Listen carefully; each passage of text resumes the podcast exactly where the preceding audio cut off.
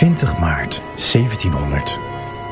Door het glooiende landschap van Midden-Duitsland lopen twee mannen. Ze zijn bezig met de tocht van hun leven. Lopend naar Lunenburg, een reis van ruim 300 kilometer. Met één doel, de muziek. Met name de jongste bezit verbluffend veel talent. Maar hij wil meer. Deze jongen wordt later de grootste componist aller tijden. Zijn naam? Johann Sebastian Bach.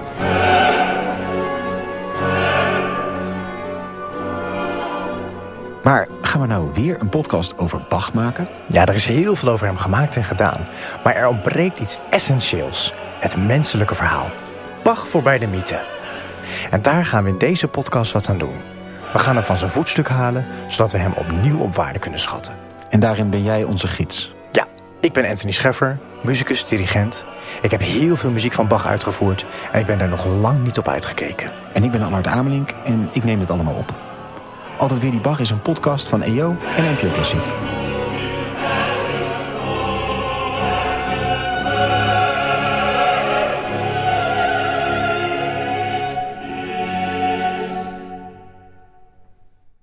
De fuik bestaat omwille van de vis.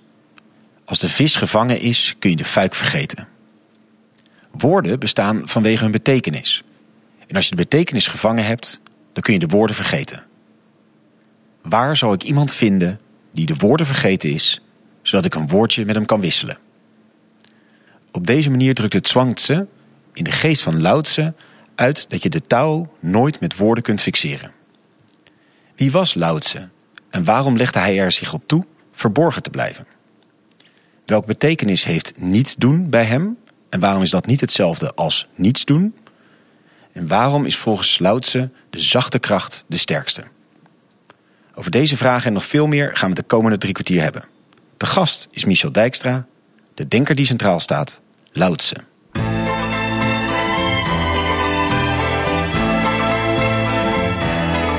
Vers les docks où le poids et l'ennui me courbent le dos. Dag, goed dat je weer luistert naar een nieuwe aflevering van de podcast Filosofie van het Centre Erasme School voor Filosofie. Mijn naam is Allard Amelink en je kent het concept van deze podcast wel. Een hoofdgast, een presentator en een sidekick. En in ongeveer 45 minuten duiken we in het denken van één filosoof. En vandaag naast mij Judith Wijstra. Hey Allard. En wij kijken vandaag uit over de IJssel. Wij zitten in de bioscoop in Deventer. Ja, precies. Het was omdat de bibliotheek geen plek meer voor ons had. En het museum ook niet. Nee. Maar de bios wel. Precies, dus dat uh, gaan we doen. We gaan het over iemand hebben die niet uh, iets met film te maken heeft, maar uh, daar misschien inhoudelijk nog een linkje mee hebt. Je weet het nooit. Aan tafel hier ook Michel Dijkstra. Hij is docent en publicist op het gebied van Oosterse filosofie en Westerse mystiek. Hij studeerde filosofie, Sanskriet en journalistiek. In 2019 verscheen de publieksversie van zijn proefschrift In alle dingen heb ik rust gezocht. De weg naar eenheid van meester Eckhart en zenmeester Dogen. En daarnaast heeft hij meerdere werken over Taoïsme, Zen-boeddhisme en Oosterse filosofie geschreven. Onder andere in de mooie reeks Elementaire Deeltjes. En dan nummer 78 over Taoïsme. Welkom Michel in onze podcast. Ja, dankjewel Judith en Allard. Heel fijn om hier te mogen zitten. En we gaan het hebben over een Oosterse filosoof. Uh, ja, iemand die een beetje in nevelen gehuld is. Lao Tse. Zijn naam betekent de oude meester. En hij wordt ergens geplaatst tussen de zesde en de vierde eeuw voor het begin van onze jaartelling. Nou, dan heb je al met iemand inderdaad die in nevelen gehuld is te maken. Hij is geboren in de provincie Henan in het hedendaagse China. En Lao Tse wordt gezien als de grondlegger van het filosofische en religieuze Taoïsme. Hij zou auteur zijn van de Tao Te Ching. En uh, ja, Michel, we zeggen al inderdaad van Lao Tse zelf een beetje in nevelen gehuld. Uh, maar jij zegt eigenlijk het hele denken van Lao Tse blinkt uit in gewilde obscuriteit. Ja, dat kun je wel zeggen. Dat, dat begint eigenlijk al bij die biografie van Lao Tse... die op een gegeven moment wordt samengesteld. En daar staat een veelzeggend zinnetje in. Namelijk, Lao Tse legde zich erop toe verborgen te blijven. Dus uh, tegenwoordig willen we allemaal onze uh, 20 minutes of fame. Maar Loutse die wil juist niet in de picture uh, komen. En dat zijn eigenlijk een heleboel van die uitspraken die, die om hem gesponnen zijn. Die aangeven dat het hier gaat om iets wat verborgen moet blijven. Je ziet het ook aan die, die naam Loutse. Dat betekent oude meester. Dus hoe vaag je het hebben. Dus, en zijn tekst, Tao Te Ching...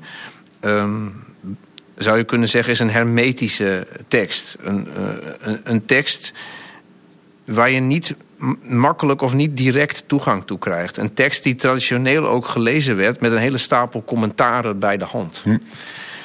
En dan kun je dus afvragen, want je noemt inderdaad mooi eh, gewilde obscuriteit. Is hij dan obscuur omdat, eh, omdat hij onhandig is?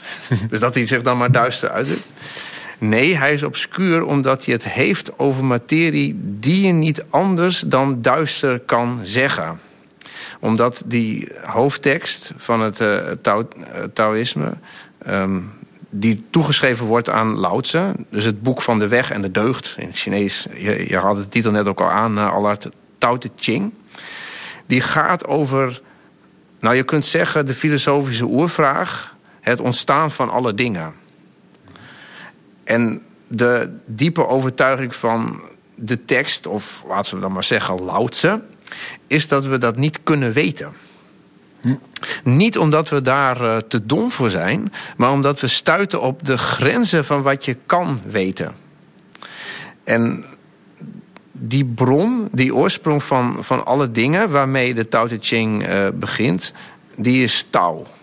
En Je zegt even naar het, de- het boek van weg en deugd. Ja. En wat is die touw dan? Is dat dan ja, ja, ja, ja, dat is eh, inderdaad eh, mooi dat je dat vraagt. Eh Tao Te Ching, het zijn dus drie, drie onderdelen eigenlijk. Tao is weg, Te is...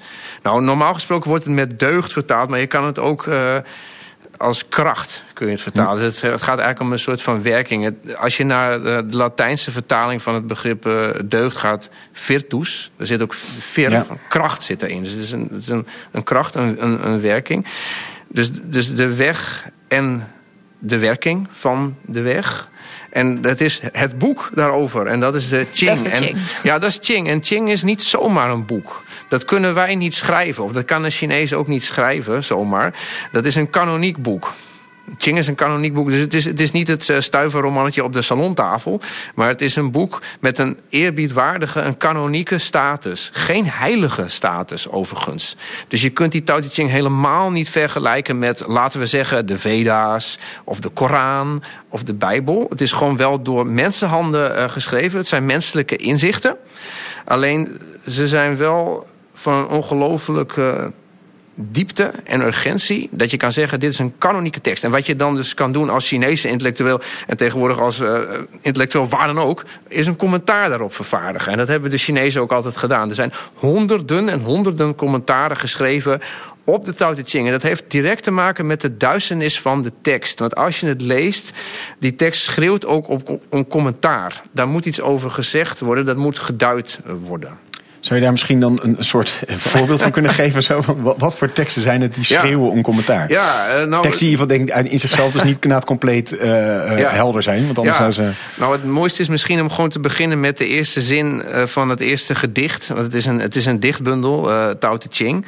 En die luidt: eh, Het touw waarover gesproken kan worden, is niet het permanente touw. Dus dat is meteen een paradox van je welste. Dus het touw waarover gesproken kan worden is niet het eh, permanente touw. Wat moet je daar nou van, eh, van maken? Kijk, er wordt ook wel vaak gezegd... eh, ik vind het prima om een stroming zoals het Taoïsme... om dat mystiek te noemen. Hè? Want het, het gaat, ik, zou mystiek dan willen definiëren als het pogen iets te zeggen... over wat je niet in woorden kan vatten. en, en ook het zoeken naar een manier om je daarop af te stemmen. Ehm, wat je ziet in die eerste uitspraak van, van Lao Tse... is dat je daar juist ook heel erg je verstand bij moet gaan gebruiken. Dus het, het, zijn, het zijn doorwrochte filosofische uitspraken... waarover je moet nadenken. Dus het touw waarover gesproken wordt is niet het permanente touw. Dus je hebt een, eh, een tekst, een, een dichtbundel Tao Te Ching... die gaat over touw, over de bron. En direct wordt al gezegd... ja, maar alles wat we erover gaan zeggen, dat raakt het niet. En vervolgens krijg je al die uitspraken nog. Dus het is een spreken over hetgeen eh, je eigenlijk niks kan zeggen... in de wetenschap dat je tekortschiet. En is dat denk je ook het ontwerp? Moet je het zo ook begrijpen? Dus is de, dat. Tao Te Ching zeg maar zo ontworpen met het idee van... dan komt er ook een soort hele hermeneutische traditie achteraan? Of Ja, dat, dat, dat heeft een beetje te maken eh, met... ik denk dat we daar straks nog wel, nog wel dieper op doorgaan. Het heeft te maken met wellicht het publiek van de Tao Te Ching. En we, we starten nu behoorlijk in mystieke en paradoxale eh, sferen. Maar de Tao Te Ching is geschreven voor de aspirant eh, vorst. En het, heeft, het geeft ook een soort recept om de staat eh, te besturen. Ook eigenlijk een, een paradoxaal uh, recept. En wat je zou kunnen zeggen, en ik, ik ben het wat dat betreft eens met uh, Ames en Hall, die in de inleiding tot een voortreffelijke Tao Te Ching vertaling stellen, dat als je het leest en weer leest en weer leest, dan kom je in aanraking met die concepten. Met de weg, touw, met de werking van touw, te.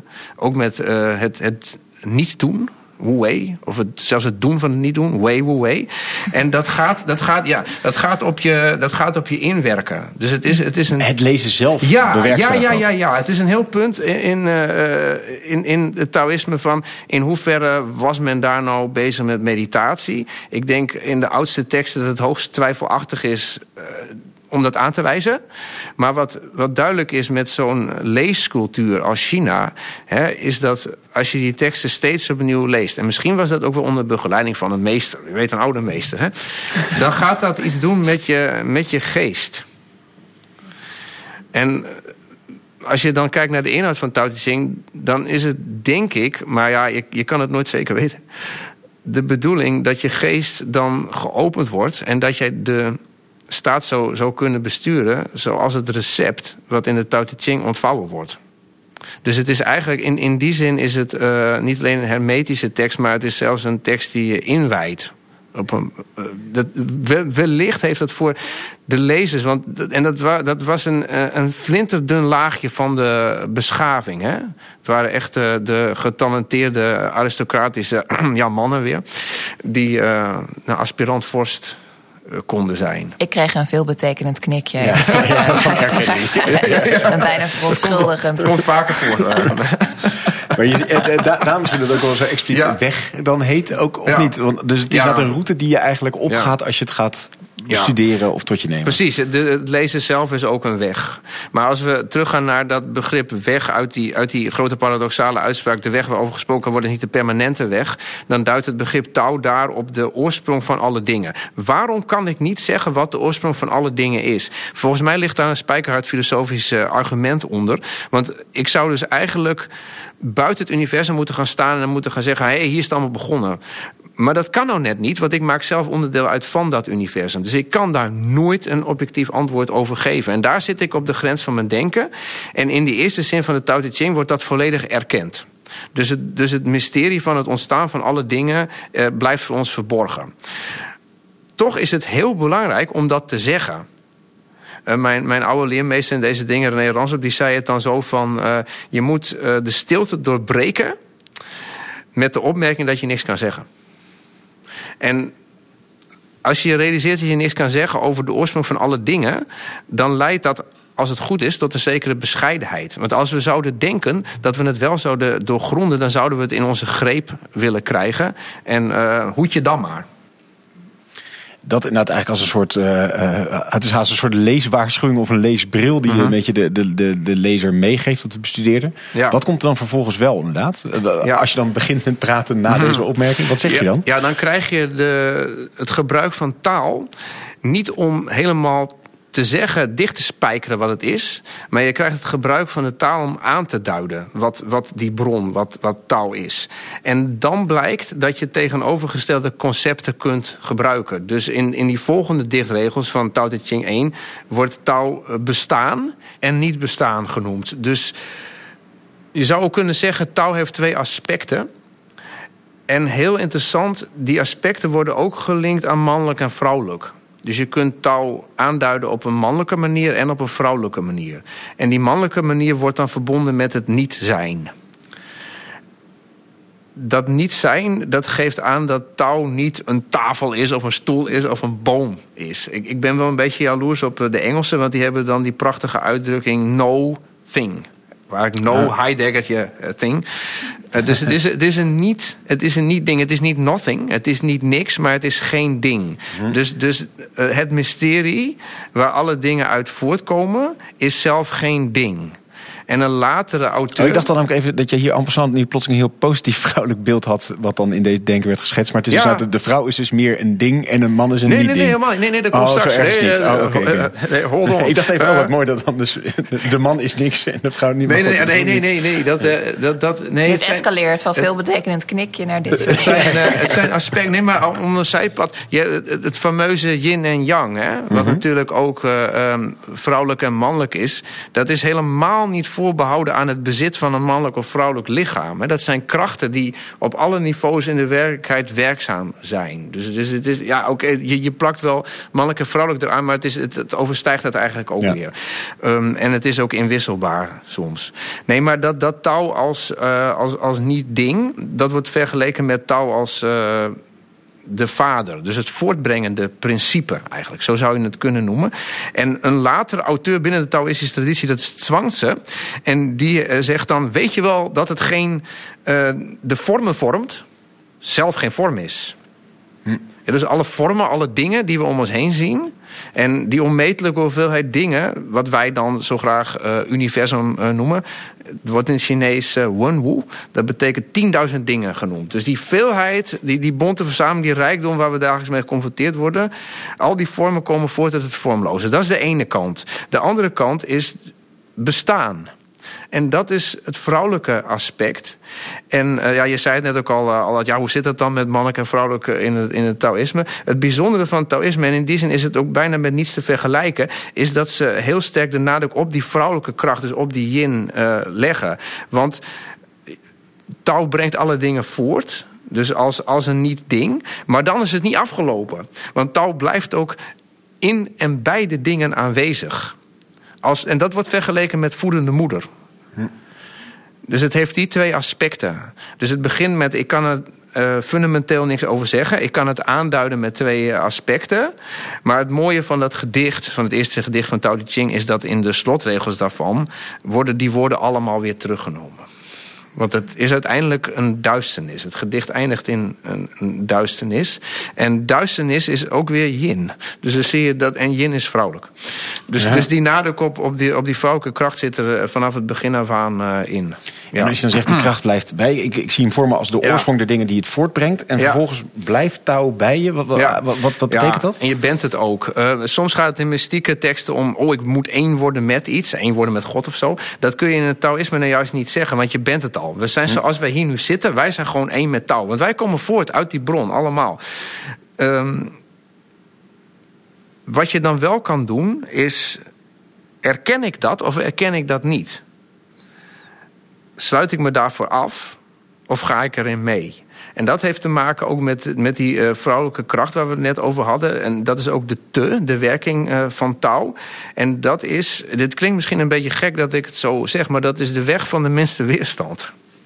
En dat heeft een negatieve lading natuurlijk bij ons. Als je de weg van de minste weerstand kiest, dan ga je niet echt een confrontatie of zo aan. Maar in het Taoïsme is dat juist, of tenminste het Taoïsme van Lao Tse en ook Zhuangzi, is dat heel erg positief, want het is het, het is het fundamentele beeld van de rotsblok die gespleten wordt door de waterdruppel. Dus de waterdruppel is yin en het rotsblok is yang. Dus er gaat natuurlijk enige tijd overheen, maar je ziet dat, dat het zachte het harde overwint. Daarom ook is eh, het zwijgen de meester van het spreken. Dus, en, en die kracht van het zachte eh, is de manier, zou je kunnen zeggen, waarop touw werkzaam is. En kijk, eh, ik ga niet alles tot in de details uit de doeken doen. Dat, dat, dat, dat, dat kan ook helemaal niet. eh, Maar het, is, het is een poëtisch denken, ook met het is verbonden met beelden. Dus die kracht van het zachte, de, de, de, de te van touw, de werking van touw, wordt in een aantal belangrijke gedichten van Tao Ching eh, verbonden met water. We kijken nu ook weer uit op de IJssel, dus dat is ook weer toepasselijk. Dus water heeft dus het vermogen om de rots te splijten. Eh, water is ook het voedende principe. Water heeft als natuurlijke eh, manier van werken dat het de laagte en de diepte eh, opzoekt. En in, in één belangrijk vers van Tao Te Ching eh, staat dat water toeft op plaatsen die door iedereen worden veracht. Daarom is het dicht bij touw. Dus je hebt hier te maken met een voedend principe dat dus alles wat is de ruimte tot ontplooiing geeft. Alleen dan is het punt. ehm, ben jij in staat om je daarop mee te laten dobberen en drijven? Of ga je er tegenin? En wat ik persoonlijk het, het, het mooie en ook heel subtiele vind van de Taoïstische ethiek, is dat het niet met een gegeven vingertje wordt gebracht van oh, je moet sowieso, je moet die weg volgen. Maar het is, het is juist. ehm, stel je voor, je, je kiest ervoor om jezelf alleen maar af te matten instrumentalistisch eh, te handelen en dergelijke, dan moet je er niet raar van opkijken dat je op een gegeven moment ook afbreekt. Want je maakt jezelf heel hard. En wat, wat hard is, dat is ook zo'n beeld uit de Tao Te Ching, dat breekt makkelijk af. Maar als je ervoor kiest om flexibel te zijn, mee te bewegen... en in die zin ook bij de bron te blijven... dan zul je het aantal jaren wat je gegeven is... zul je ten volle kunnen uitleven. En dat wordt wederom door Zwangse, dus een, dus een latere uh, Taoïstische auteur... dan beschreven als dat je op een zee bent... En die zee, dat zijn de 10.000 dingen. Dus alles wat ons uh, omringt. Uh, als je meegaat met die deining, met die natuurlijke beweging van de zee, dan dobber je en drijf je erop. Maar als je er tegenin gaat, dan verdrink je erin. Het is dezelfde zee. Hm. En stel je voor je verdrinkt erin, dan zeggen de Taoïsten: Oh, hoe jammer. Ja, dus het wil je eigenlijk verleiden. Tot, uh, het is een, een, ethiek met een hoge verleidingsgehalte. Het wil je verleiden om een bepaalde weg op te gaan. Dat wil je zeker niet dwingen. En uh, net zei je al een paar keer ja, hoe je het kan lezen. En, ik kan me indenken dat uh, dit vooral wordt opgepakt vandaag de dag in meer ja, levenskunstachtige sferen. Maar je noemde net ook al even dat het een vorstenspiegel eigenlijk was. Is het bij Tsangtse ook het geval? Ja, het is. Uh, kijk, niemand heeft het bezit van de Taoïstische teksten natuurlijk. Maar wat je inderdaad ziet, Judith, is dat. Dat geldt voor Zen trouwens ook hoor. Dat zulke soort Oosterse richtingen, vooral in de levenskunstige sfeer, worden, worden opgepakt. De zelfhulpsfeer zou je ook uh, kunnen zeggen. En daar is helemaal niets mis mee. Maar het is denk ik wel, kijk, ik, ik kan niet anders dan spreken vanuit mijn perspectief als filosofie-historicus. Het is denk ik wel van belang dat je dan met iets bezig bent wat soms meer over onze tijd zegt dan de tijd waarin die teksten geschreven zijn. Dus wat je inderdaad net ook al aangeeft.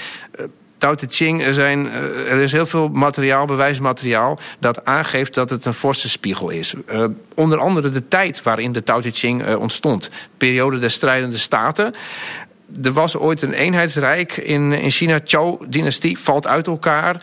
Je hebt allemaal staten die dus de macht willen hebben over het hele grondgebied. Dat was een verschrikkelijke tijd waarin de mensen ook dachten... we gaan allemaal ten onder.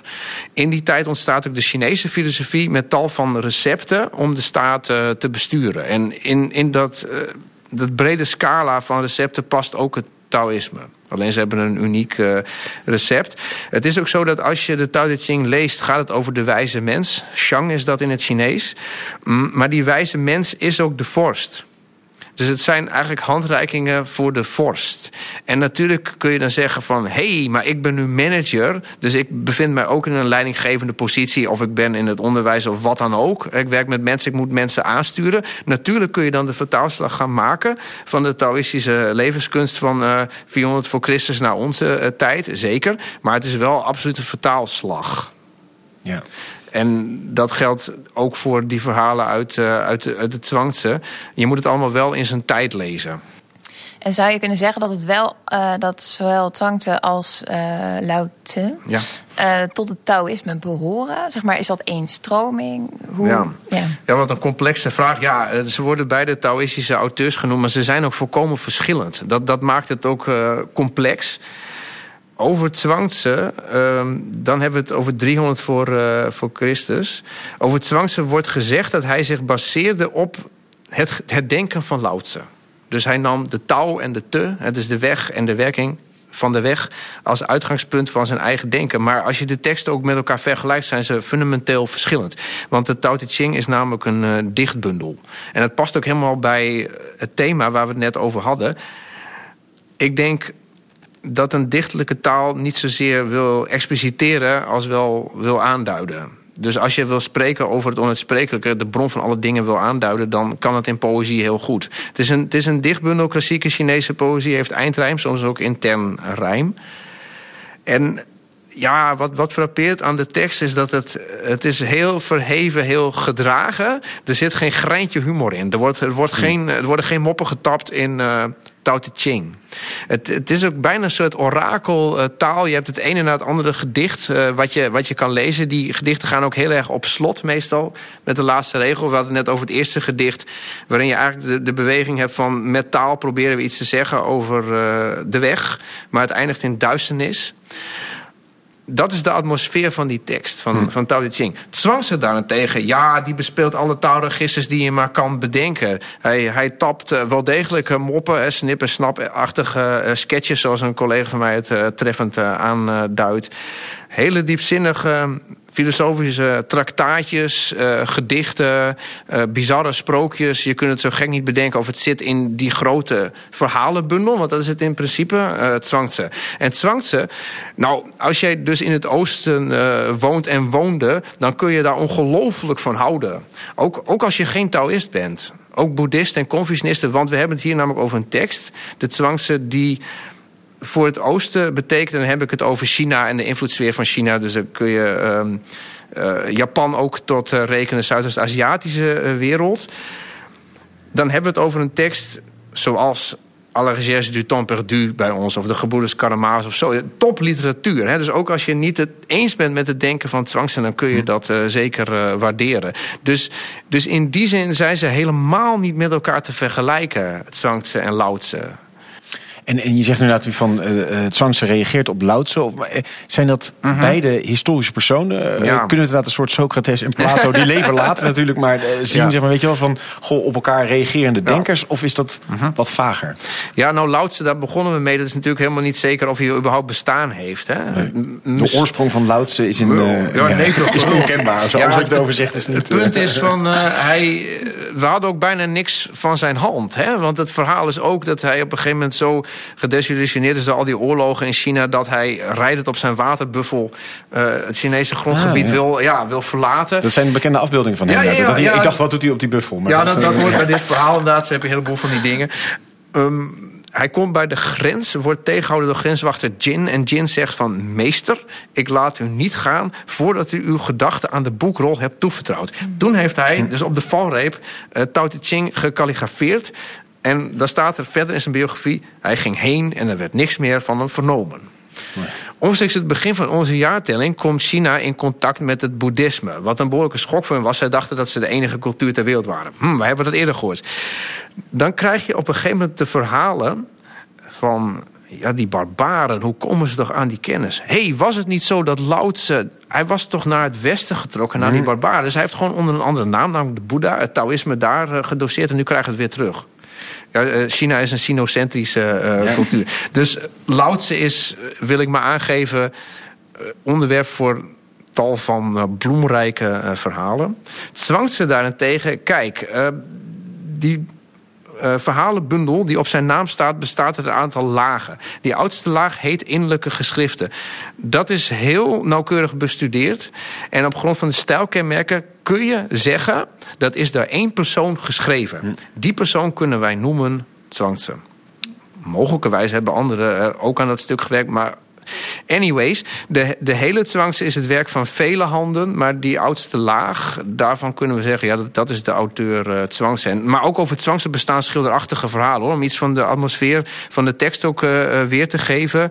Um, Zwangse staat bekend als een groot denker in zijn, in zijn tijd... maar hij heeft geen ambtelijke functie. Dus op een gegeven moment komen de officials uit de hoofdstad... die benaderen Zwangse. Zwangse zit aan de rivier, wederom. Hij is bezig met vissen. Misschien wel het eeuwige vissen. Dat doe je zo. Je hebt wel een hengel uh, en, een, en een draad, maar je hebt geen haakje. Het eeuwige vissen.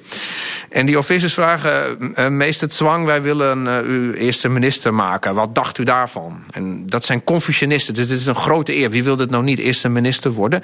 Zwangse echter vertelt een verhaal over een reis die hij gemaakt heeft naar de hoofdstad. Hij kwam uh, onderweg een schildpad tegen die met zijn staart in de modder speelde. In de hoofdstad bezocht hij een tempel. Daar lag een met jaren ingelegd schild van een overleden schildpad. En dan zegt hij tegen de officials die hem eerste minister willen maken... scheer weg, laat mij met mijn staart door de modder slepen. Ik zal altijd fijn blijven doen waar ik zelf zin in heb. Dus die tekst, en daarom is hij ook zo ongelooflijk populair... ook in Nederland in de prachtige vertaling van Christopher Schipper... die tekst ademt de sfeer van vrijheid. Hm. Het eerste uh, stuk van Zwangse luidt ook zwerven vrij en blij. Ook een levensfilosofie, uh, makkelijk leven, toe te eigenen, zeg maar. Een levensfilosofie, maar kijk, je kunt heel snel daarmee aan de haal gaan en zeggen van ja, ik pak gewoon mijn eigen ruimte maximaal. Maar het punt is dat Zwangse zwerft vrij en blij met de 10.000 dingen. Dus in voeling met, in afstemming op alles wat is. Want alles, en daarin uh, baseert hij zich wel degelijk op uh, Lautse, alles komt immers voort uit die bron, die je niet kan aanduiden. Dus in die zin is alles ook met ons verwant. Dus die hele strenge scheiding tussen mens en dier, tussen levend en levenloos, geldt vanuit vanuit dat perspectief niet zozeer. En als we dan even teruggaan naar die ethiek. Nou, sorry, naar één Ja. ding terug. Want je zei net van die Sangse. Daar dan kun je naar de kern herleiden tot één persoon. Daarmee zeg Ja. maar bij, bij Lautse is dat gewoon eigenlijk niet mogelijk. Dat nee, is is niet mogelijk. textueel te zien dat dat een, een samenstelsel van allerlei auteurs is. Ja, daar, daar lijkt het op. Eh, en het gaat nog verder. De, de tekst bevat geen enkele verwijzing naar een historische gebeurtenis of een historische figuur. Daarom, daarom ook die gewilde obscuriteit. Hier hebben mensen aangezeten die hebben opzettelijk iets willen maken wat zo duister mogelijk is. Maar toch zijn we erachter gekomen, want je kunt namelijk wel naar die poëzie kijken. En die poëzie heeft een be- bepaalde manier waarop het is uitgeschreven, het heeft stijlkenmerken. En op grond van die stijlkenmerken kun je wel degelijk ongeveer aangeven wanneer het geschreven is. Hm, toch is er dus iets, Ja, niet, oh, iets niet verborgen Ja, gebleven. Klopt. Dat Ja. is, dat is toch, eh, ja, zelfs, zelfs dat. eh, En, en welke datering past dan? Want, ja, dat- 400 voor Christus hebben we. Maar het is heel, het is heel spannend, want eh Lautse zelf...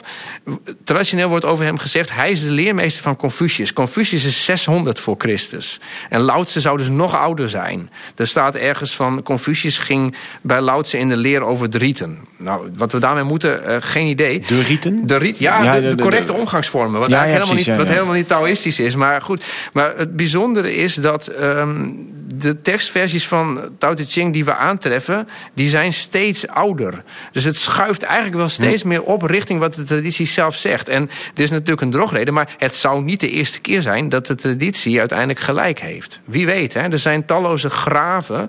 Want als jij een klassieke Chinese intellectueel eh, bent, dan eh, laat je je begraven met je kostbaarste bezit. Dat zijn je boekrollen.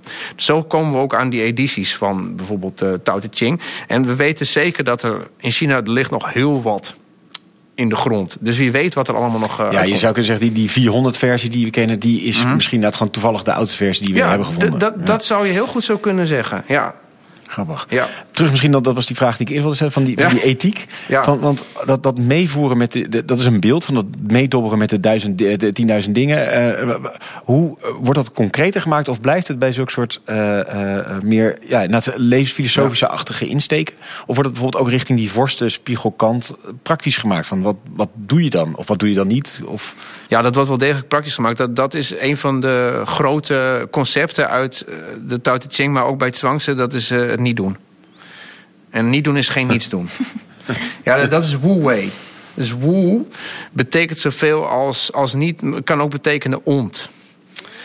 Dus om het nog paradoxaler te maken, in de Tao Te Ching staat ook zelfs Wei Wu Wei. Wat betekent doe het niet doen. Dus dat betekent dat niet doen een bepaalde manier van doen is. En in, in die manier van, van doen zie je hoe dat meegaan met, met de stroom en het volgen van de kracht van het zachte eh, concreet wordt. Dit betekent op, voor de vorst dat hij eh, de werking van de weg, de werking van touw als model neemt. Dus we hebben net eigenlijk over best wel abstracte dingen gehad, hè, de weg en, en de deugd. Maar dit komt heel erg naar de aarde terug hoor. Touw werkt met die kracht van het zachte.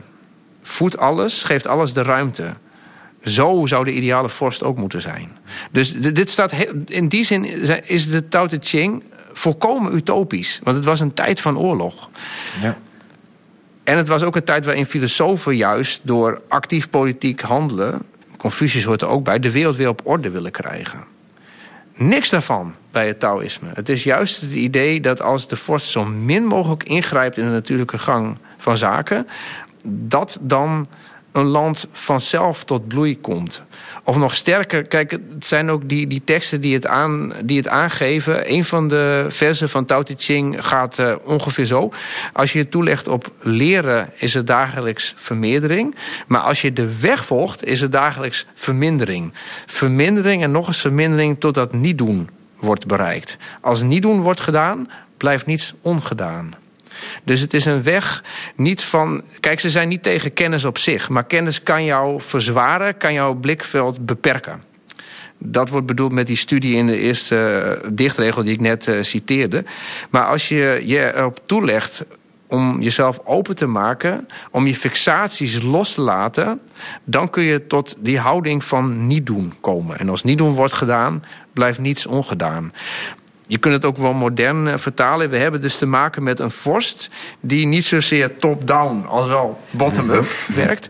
En iemand, om het meer met onderwijskundige uh, termen aan te duiden, niet zozeer sturend optreedt, maar wel het proces bewaakt. Dus een van die dichtregels uit Tao Te Ching leidt dan ook, dan heb je dus een, een, land wat tot bloei is gekomen en de mensen zeggen, we hebben het zelf gedaan. Maar ondertussen is de vorst wel. Alleen van de hoogste vorst, is ook weer een citaat uit Tao Te Ching, van de hoogste vorst weten de mensen alleen dat hij er is. Hij vaardigt zo min mogelijk wetten uit.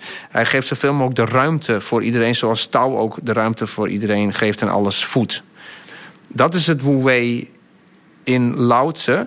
In Zwangse, dat is misschien ook wel aardig om dat verschil een beetje uh, te schetsen.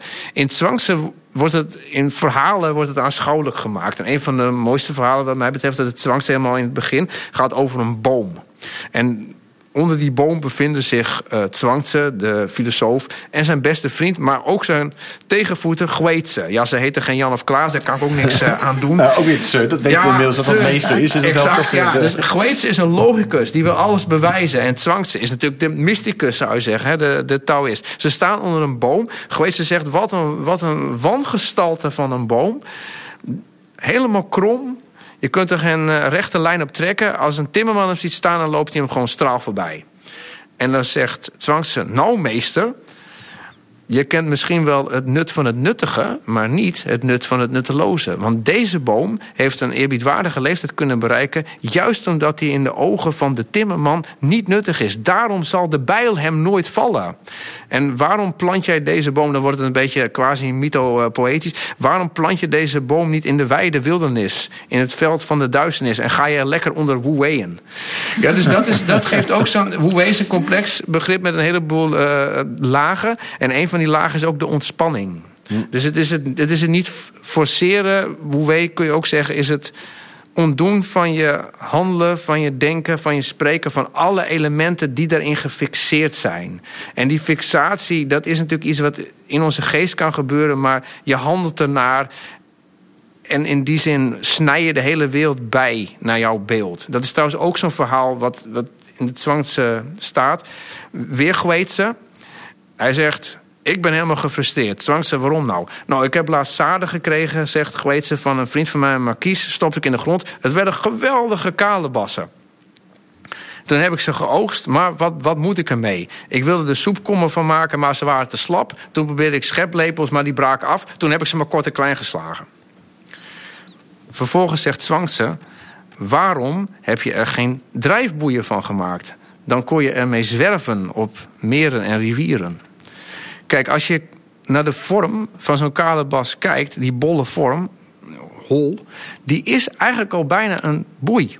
Je hoeft er eigenlijk bijna niks aan te doen en dan krijgt hij zijn natuurlijke functie. Terwijl als jij de dingen, de mensen, wat dan ook gaat toesnijden op wat jij nuttig vindt, dan beschadig je daarmee alles. De mensen, de dingen, jezelf je zegt dan, hier is natuurlijk de ontologie erachter van die uh Tao is van dus dat de dingen in balans zijn als ze eigenlijk met rust gelaten worden. Was dat ook inderdaad haaks op de, ja, voor zover we weten, tijdsgeest daarvoor? Dus dachten anderen anders daarover? Of is dat wel de algehele doorvoelde gedachte van de Chinese cultuur uit die tijd? Nee, het Taoïsme is de onderstroom. Je zou kunnen zeggen, dit lijkt ook wel op yin en yang. De, de façade van het Chinese denken is Confucianistisch. Dat zijn die enorme dynastieën die Voltaire ook zo bewonderde. Hè. Honderden en honderden jaren bleef het stabiel eh, staan. Dankzij dus de regelgeving, zou ik maar zeggen, van het Confucianisme. Het Taoïsme is volstrekt utopisch. Dus in de tijd waarin het geschreven werd, maar ook nu nog het, het, gaat juist tegen de keer. Maar ik heb van Hans Achterhuis eh, geleerd dat daarin zit de waarde van de utopie. Hè? Het is niet dat je dat helemaal gaat realiseren, maar het kan ons inspireren, het kan ons hoop uh, geven. In die periode van de strijdende staten, waarin die Taoïstische filosofie is ontstaan, had je honderd scholen van de Chinese filosofie. Zoveel zullen er niet geweest zijn, maar Chinezen houden van overdrijving. Indiërs ook uh, trouwens. die hebben allemaal recepten voor hoe je de wereld op orde moet krijgen. En die recepten zijn allemaal op een of andere manier instrumentalistisch. Ja. Dus Confucius gaat terug naar het verleden, gaat die en die deugd beoefenen, gaat die en die regel implementeren. Je hebt ook de school van de wet, die bijna totalitair is. Van maak de wet zo sterk mogelijk dat niemand in opstand durft te komen. Ze zijn het ook nog eens een keer niet met elkaar eens. Het is een eindeloos, zoals Zwangste het dan zegt, een eindeloos wel eens niet een spelletje. En Zwangste zegt, daar doe ik niet aan mee. Ik onthoud mij hier van commentaar van een mening. Ik stem mij af op touw. Ik blijf in het stille midden. En zie om mij heen al die meningen ronddraaien. Dus het is eigenlijk een terugtreden. Maar niet omdat je geen slagkracht hebt, maar omdat je inziet dat dat een discussie is die nooit eindigt en uiteindelijk ook de wereld geen goed doet. Dit kun je trouwens voor de luisteraars die ook in de Griekse filosofie geïnteresseerd zijn, heel goed vergelijken met scepticoi. Daar heb je ook dat je tot dat inzicht komt ook bij Sextus Empiricus. Hè, dat alle uitspraken die we doen zijn uiteindelijk gelijkwaardig. Ik kan niet zeggen, jij kunt het tegenovergestelde zeggen, dan kom je tot die isostenaia. Dus die, die, en die is- dat is, dat is het opschorten van je mening, wat ook innerlijke rust geeft. Ook, ook bij, die, bij die antieke sceptici. Dus in die zin kunnen de Taoïsten en de sceptici ook echt elkaar de hand eh, reiken. En, en is daar ook daadwerkelijk een kruisverband tussen die, die, eh, Ja. Of, of, of is dat gewoon toevallig kwamen mensen op andere ideeën? Jij wilde hetzelfde zeggen hier. Nee, ik vond het ja. gewoon een prachtige eh, aanleiding voor Ook een dat er is tussen ons Dus, ook een eh, lijn van wat Ja, ja, ja. Ja, dus is er een. Nou, kijk. Ik ben natuurlijk met die comparatieve filosofie bezig. En het is, heel verleidelijk om te zeggen: ja, die, die heeft die beïnvloed. Maar heel vaak is het toch zo dat je verschillende culturen hebt in de wereld. die geen contact, of geen noemenswaardig contact met elkaar hebben gehad. maar onafhankelijk van elkaar een soort vanzelfde inzichten ontwikkelden. Dus je kunt zeggen dat er een fra- frappant frappante parallellen zijn. Dat wel. Maar Ja. ik kan niet zeggen van eh, die Chinezen hebben de Grieken beïnvloed. Nee. En, en ook voor dat wat mystieke, van dat, dat onkenbare van het wezenlijke, zeg maar. Ja. Eh, eh, Ook daarvoor geldt niet dat daar een logisch. Of, of een historisch aan te wijzen band is richting veel, dat je, je, je, Mhm. proefschrift van Meister Eckhart. Ja, ik zou het toch frappante overeenkomsten willen noemen. Ja. En bij Meister Eckhart is dat heel sterk, want hij heeft, ik citeer het, een preek van hem. Wie duizend jaar lang aan het leven zou vragen: waarom leef je? Die zou, als het leven kon antwoorden, het volgende antwoord krijgen: ik leef omdat ik leef. En zonder waarom. En dat in het oude Duits, het Mittelhoogduits, staat daar zonder waarombe. En dat zonder waarombe. Ik leg deze tekst ook wel eens voor aan mensen die, die westerse mystiek helemaal niet kennen, meester Eckhart niet. En die zeggen: Goh, wat een Taoïstische tekst. Ja, dus bij, bij die mystiek van meester Eckhart heb je ook het idee dat de bron, dat daar natuurlijk aangeduid met het woord God, onkenbaar is. Maar het leidt dus ook tot, hoe je het maar wil noemen, levenshouding en levenskunst van het leven om het leven zelf. Dus zonder waarom, of door het doen van het niet doen. Dat is trouwens ook misschien de fundamentele uitspraak van Zwangse. Hoe ontstaat een weg door hem te gaan?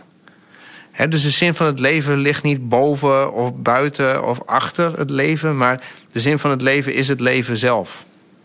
Interessant is trouwens dat Eckhart sowieso dan is ook dus eh, Eckhartse zou kunnen heten in het Chinese. Ik zit nu te denken, maar goed. Dat, ja, een magister. Ja, ja, precies. ja. Mooi, ook mooi dat we zo een, eh, een beetje gevoel hebben gekregen bij de tekst. Doordat je Ja. even uit je mouw een aantal schudt. Precies. En, en ik vind nog wel interessant misschien die, die eh Zwangse en Lautse. Kunnen we nou dan toch zeggen dat in die zin eigenlijk eh eh Zwangse de, de toch wat toonbaardere figuur is van de Taoïstische traditie.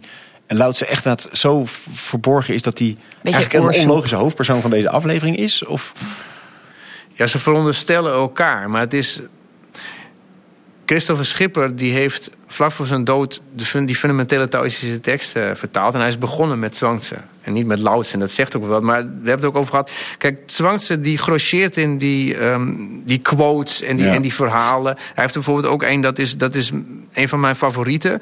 Want we hebben het natuurlijk over touw gesproken nu. Maar hoe doe je dat nou? Want touw is ook constant in, in verandering, is, is pure verandering. Hoe spreek je daar nou over? En Zwangse schrijft: spreken over de touw is als vissen met een fuik.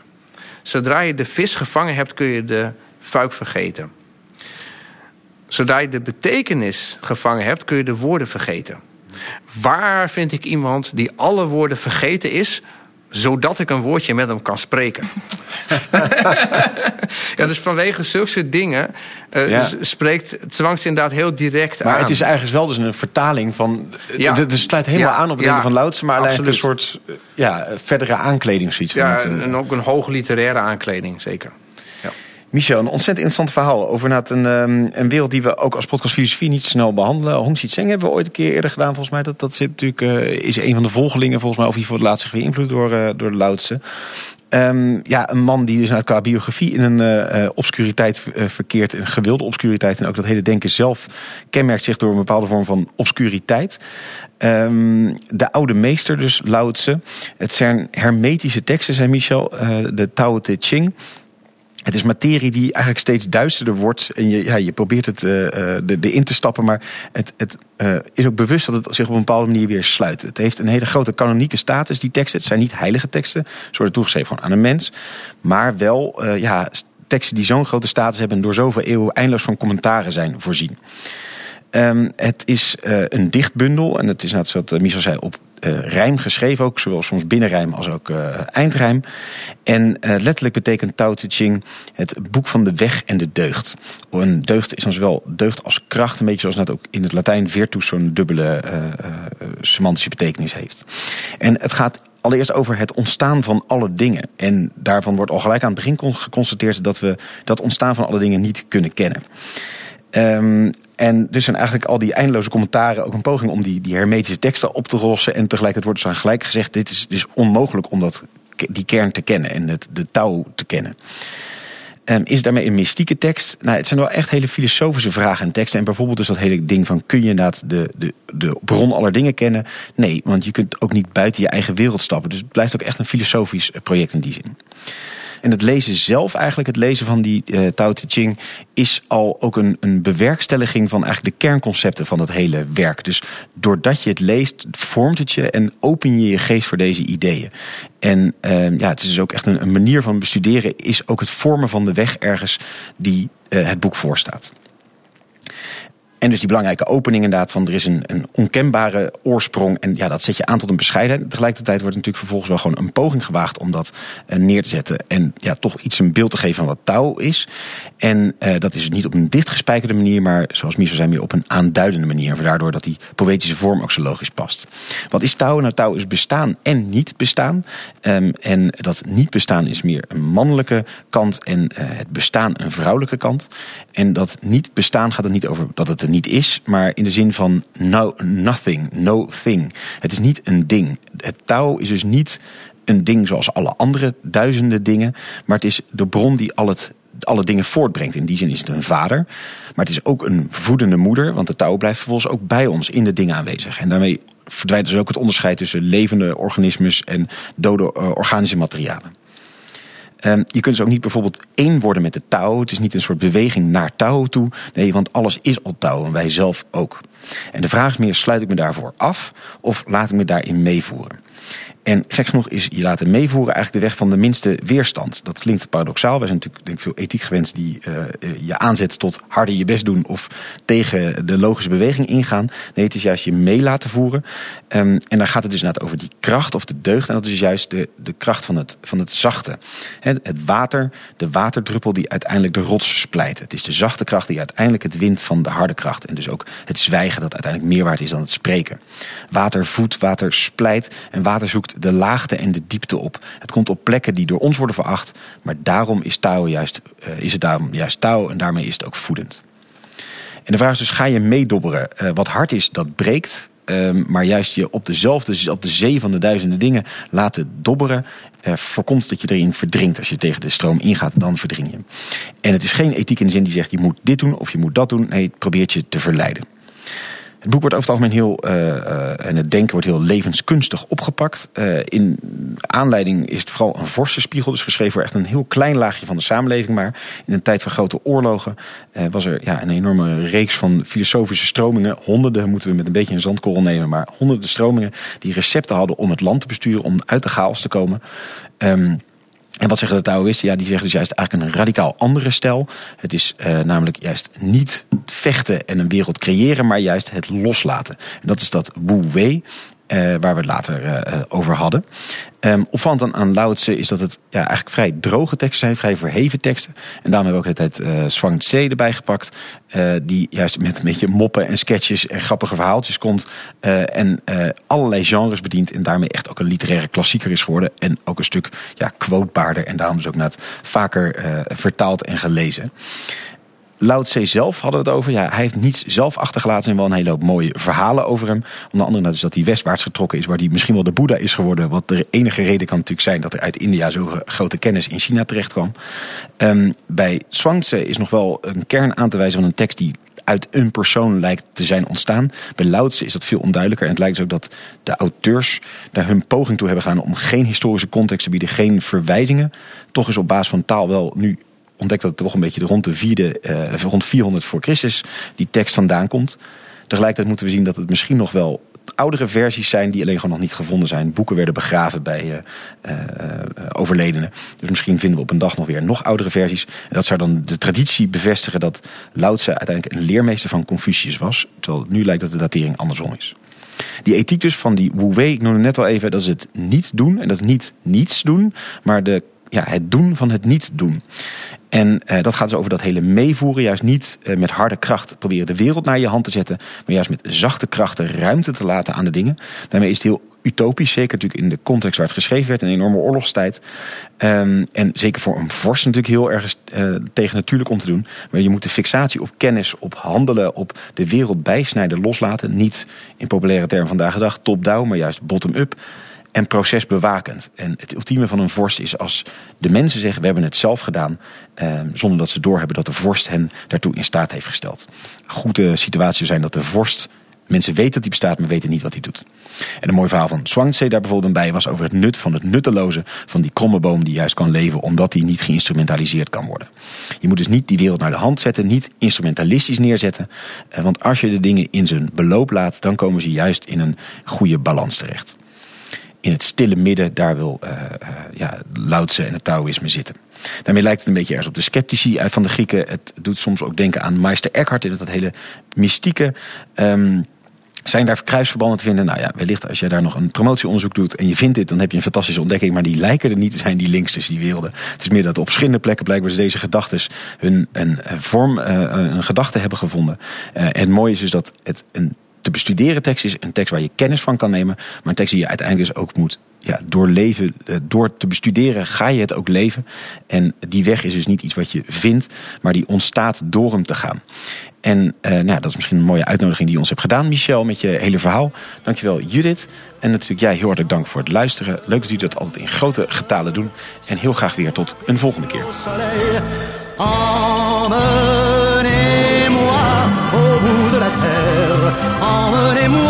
Pays des merveilles. Il me semble que